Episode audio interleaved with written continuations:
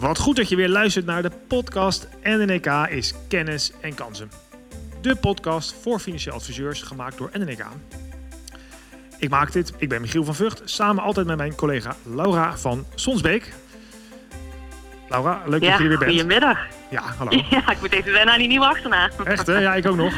Uh, en uh, vandaag hebben we een, uh, een uitzending, de eerste eigenlijk in de komende, nou, die we vaker gaan maken. Vanuit drie verschillende locaties nemen we op, dus misschien is het geluid net iets minder.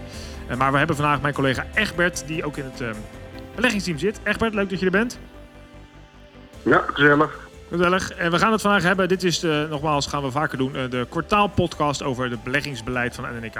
En we zullen nu ook iets verder terugkijken, dus niet alleen het derde kwartaal, maar ook wat daarvoor gebeurd is.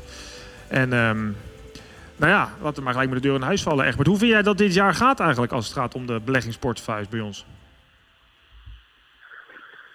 Ja, het is best wel een heftig jaar. Maar ik denk dat uh, de portefeuilles het heel erg goed uh, houden. Ook uh, als we vergelijken met peer group. dat zijn zeg maar vergelijkbare portefeuilles die in Nederland worden aangeboden. Dan doen we het erg goed. Dus daar zijn we zeer blij mee.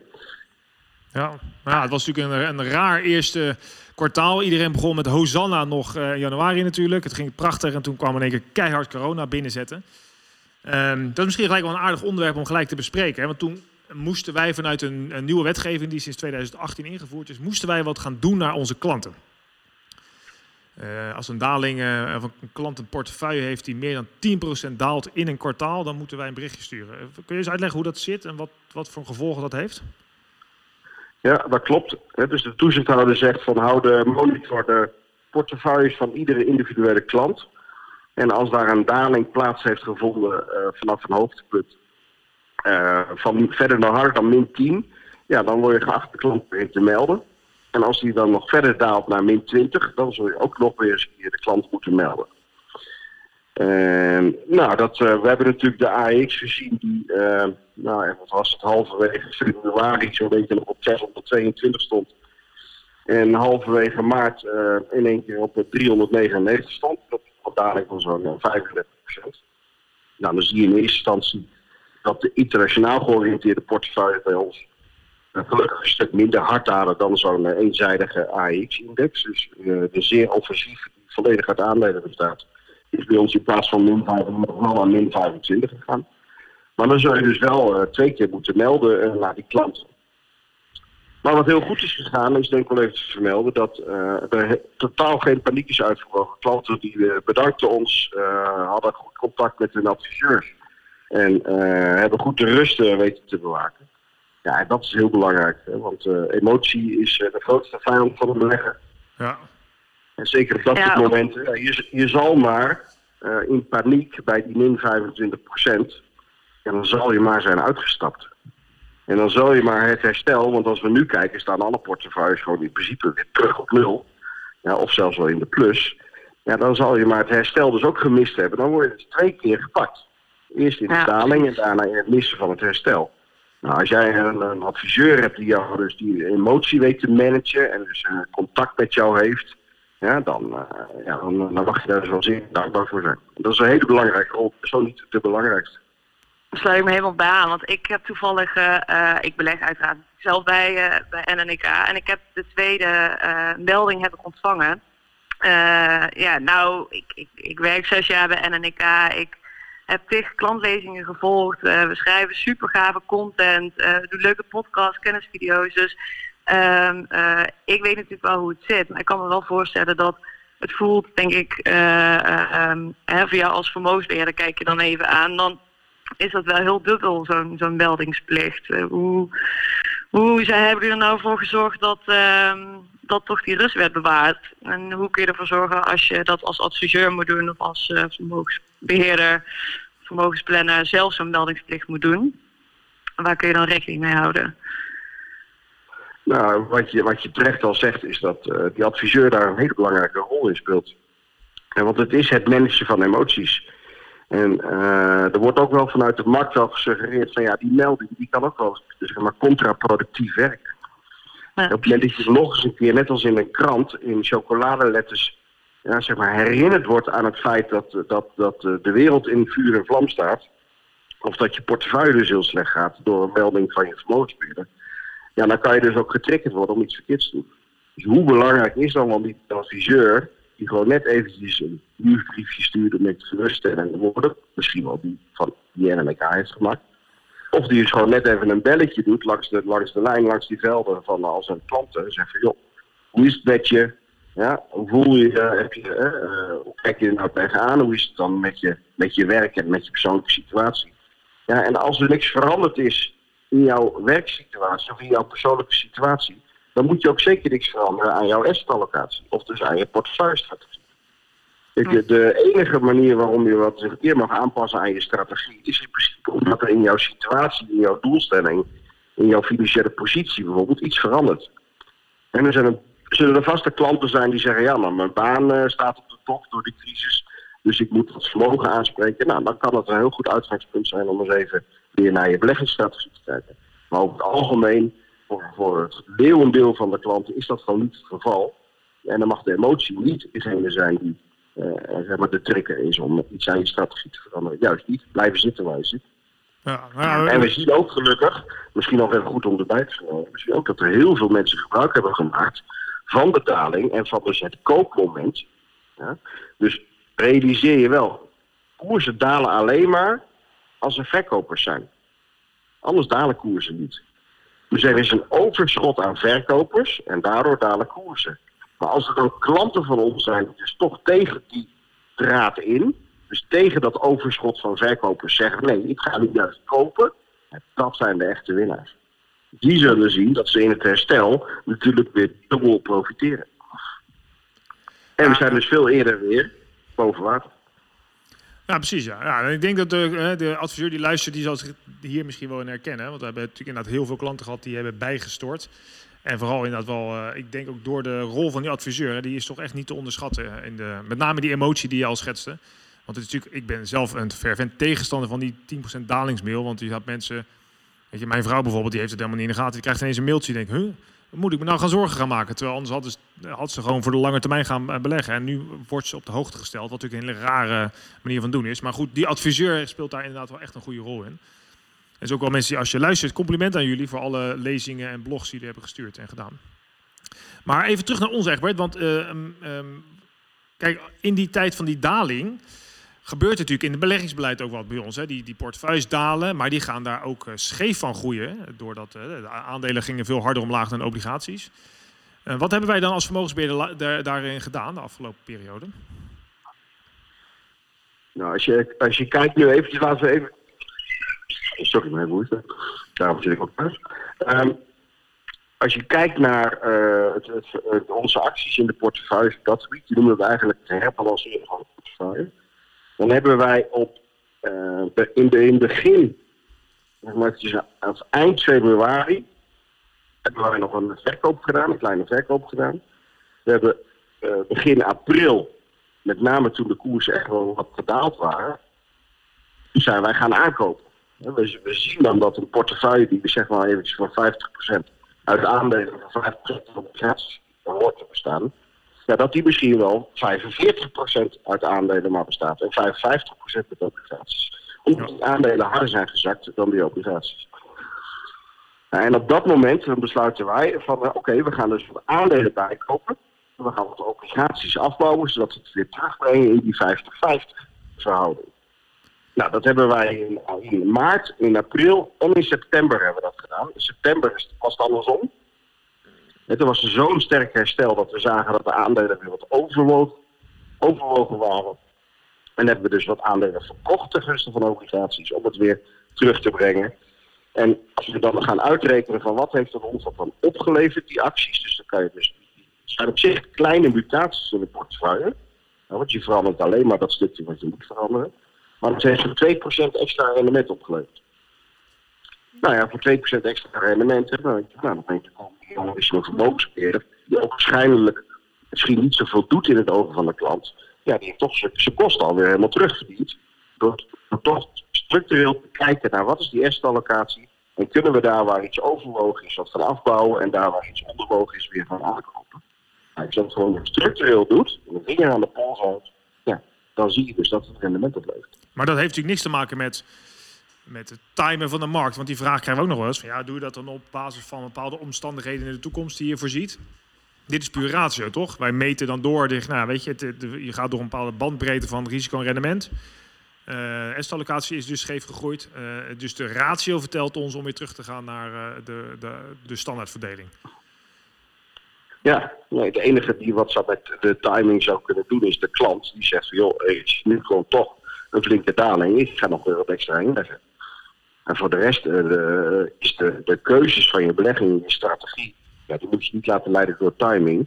Die moet je leiden door basis de, de, de afspraken die je hebben in basis van je strategie. En als blijkt dat de ene overwogen wordt door koersbeweging, dan kan je dat bijstellen.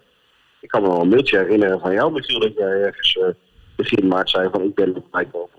Je hebt het goed gedaan. Ja, we hebben, um, dat is achteraf natuurlijk allemaal mazzel, je weet het nooit, maar we hebben inderdaad een paar keer bijgekocht. Ja, ja dat, daar zijn we blij mee. Ja. Ja. maar goed, dat was ook omdat onze adviseur zei, ja joh, je hebt geld toch niet nodig. En uh, laat het niet langs de zijlijn staan, zet het er maar gewoon bij. De financiële uh, positie, eigenlijk ons profiel kon dat aan. Dus het was wat dat betreft, eigenlijk wat jij net ook zei, sloot het daar wel bij aan. Nou weet ik dat wij in september Egbert ook nog iets anders hebben gedaan. Want naast dat wij die herbalancering hebben gedaan, hebben we tegelijkertijd ook een fondswissel toegepast. Voor de adviseurs die dat in de gaten hebben gehad. Het Robeco High Yield Fonds is vervangen door een fonds van Candriam. Dat is ook wel aardig. Ja. Hè? Daar, ja, dat, daar zat een, uh, een corporate action achter. Kun je dat eens uitleggen? Ja, ik denk dat het best dat die realiseren. Maar kijk, uh, we hebben natuurlijk naast vermogensbeheer ook het, uh, het, het, platform, het fondsplatform voor de adviseurs die zelf hun beleggingsbeleid willen voeren.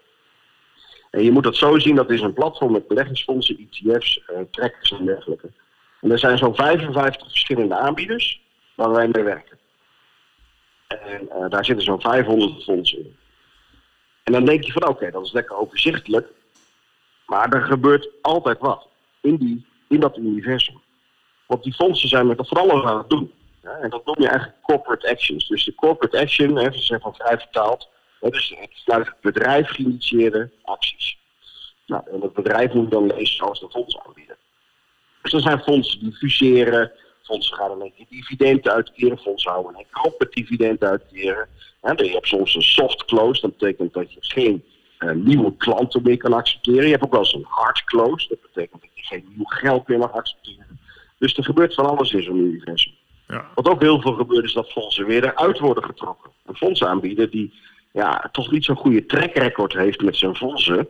Ja, die heeft de neiging om dat fonds dan maar niet meer aan te bieden. Nou, dan moet dat uit het universum worden gehaald. Of dat gaat fuseren met een ander fonds wat een betere trackrecord heeft. Ja, dus fondsen die al heel lang bestaan, dan zul je ook wel zien dat zijn vaak ook wel fondsen met een goede trackrecord. Ja, dus daar krijg je eigenlijk ook hele verkeerde informatie voor als je dus de prestaties van fondsen wil gaan meten. Nou, wat er gebeurde in onze situatie was dat Robeco, een high yield fonds wat wij hebben van Robeco, uh, met de corporate action uh, kwam en zei van ja, we gaan dus een close doen. Want het was ook echt een hard close, die werd voorbereid. Nou, daar krijg je gelukkig nog wel even wat tijd voor, maar dan moet je wel in actie komen. Nou, als vermogensbeheerder moeten we dan natuurlijk op zoek gaan naar een alternatief fonds, hè, wat ook wel weer in de vergelijkbare categorie zit. Dus wij zijn uitgekomen bij Candriam, een heel goed fonds, uh, ook in die high yield categorie. Nou, en dan moet je dat gaan voorbereiden. Dat is, ja, als er een uh, klant die het geld storten, dat dat niet dan direct op weer Robeco gaat. Want dan is het natuurlijk vervelend. Dus dan ga je direct Robeco uit de modellen halen. En je zet het nieuwe fonds erin. Nou, dan ben je in ieder geval voor nieuw geld ben goed geregeld. En dan ga je vervolgens een moment creëren dat je zegt, van die gaan wij het hele fonds van Robeco, high yield, gaan we omzetten in Candriam high. Nou, daar komt wel wat bij kijken. En dan hebben wij natuurlijk als fondsplatform moeten ook nog naar al die adviseurs die in dat fonds zitten van jongens, jullie moeten in actie komen, want dit fonds gaat eruit.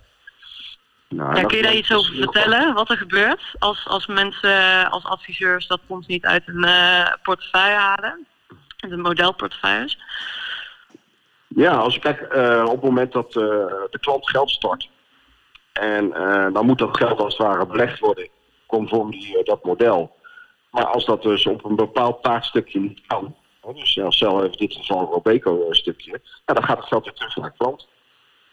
Wij, wij, hebben een bepaalde verdeling en we willen conform die verdeling dat geld gaan beleggen.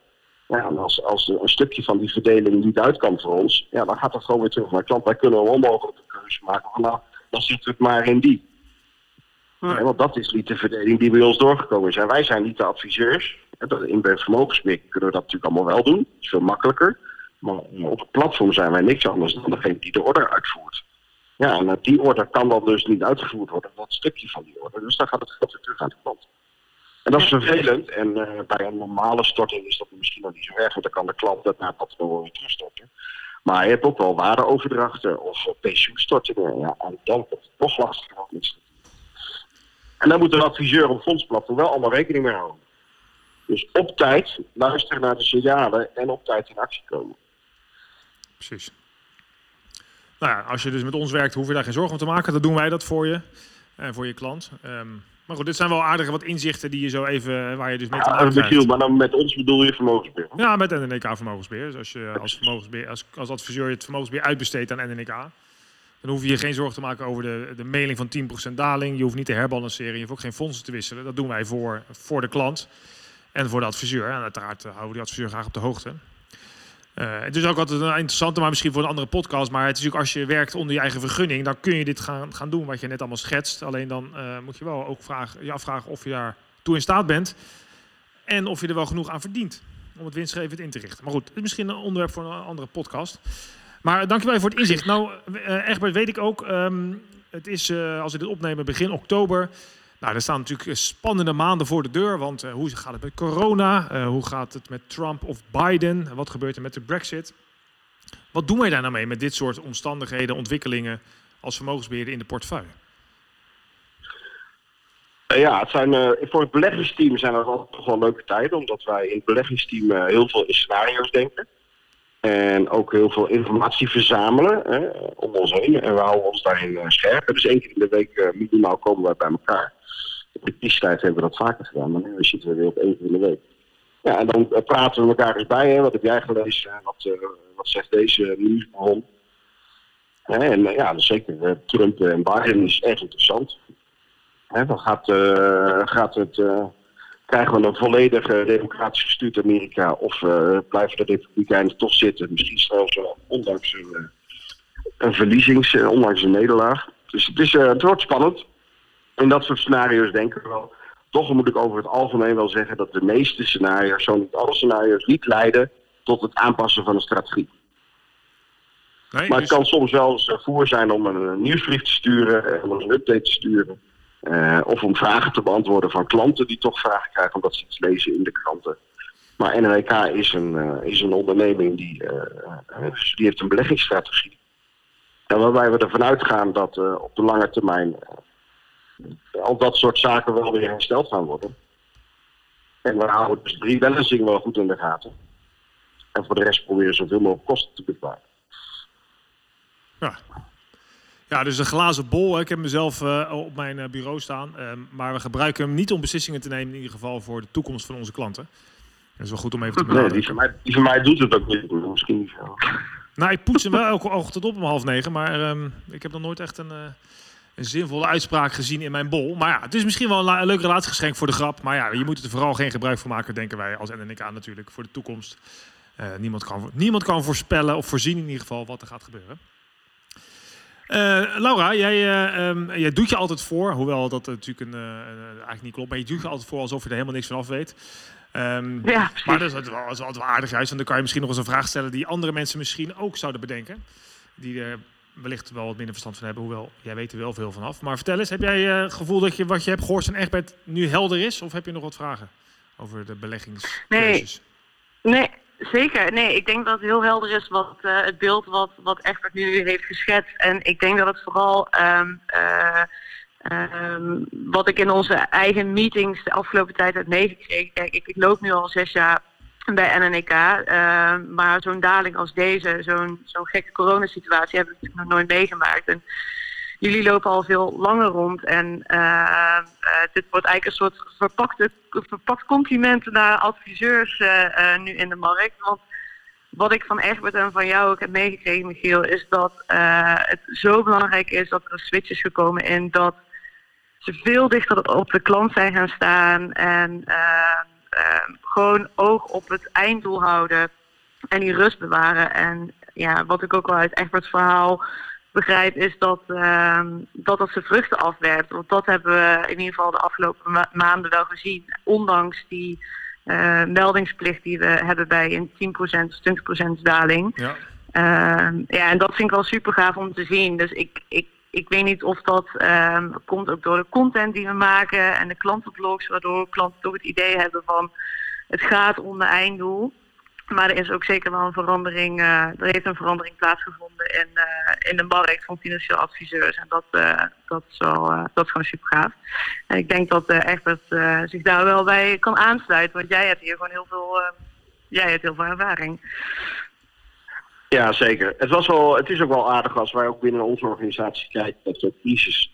Ja, daar behoorlijk ook wat jong personeel. Ja, die heeft dat nog nooit meegemaakt. En dat is spannend. En dan zie je dat de oude mannen, die komen dan weer eens uit hun fauteuil. En die gaan nog vertellen. En die gaan ook verhalen vertellen over vroeger. Dus hoe de verhalen over nou ja, 9-11, of ik heb zelfs verhalen over 87 nog meer gehoord.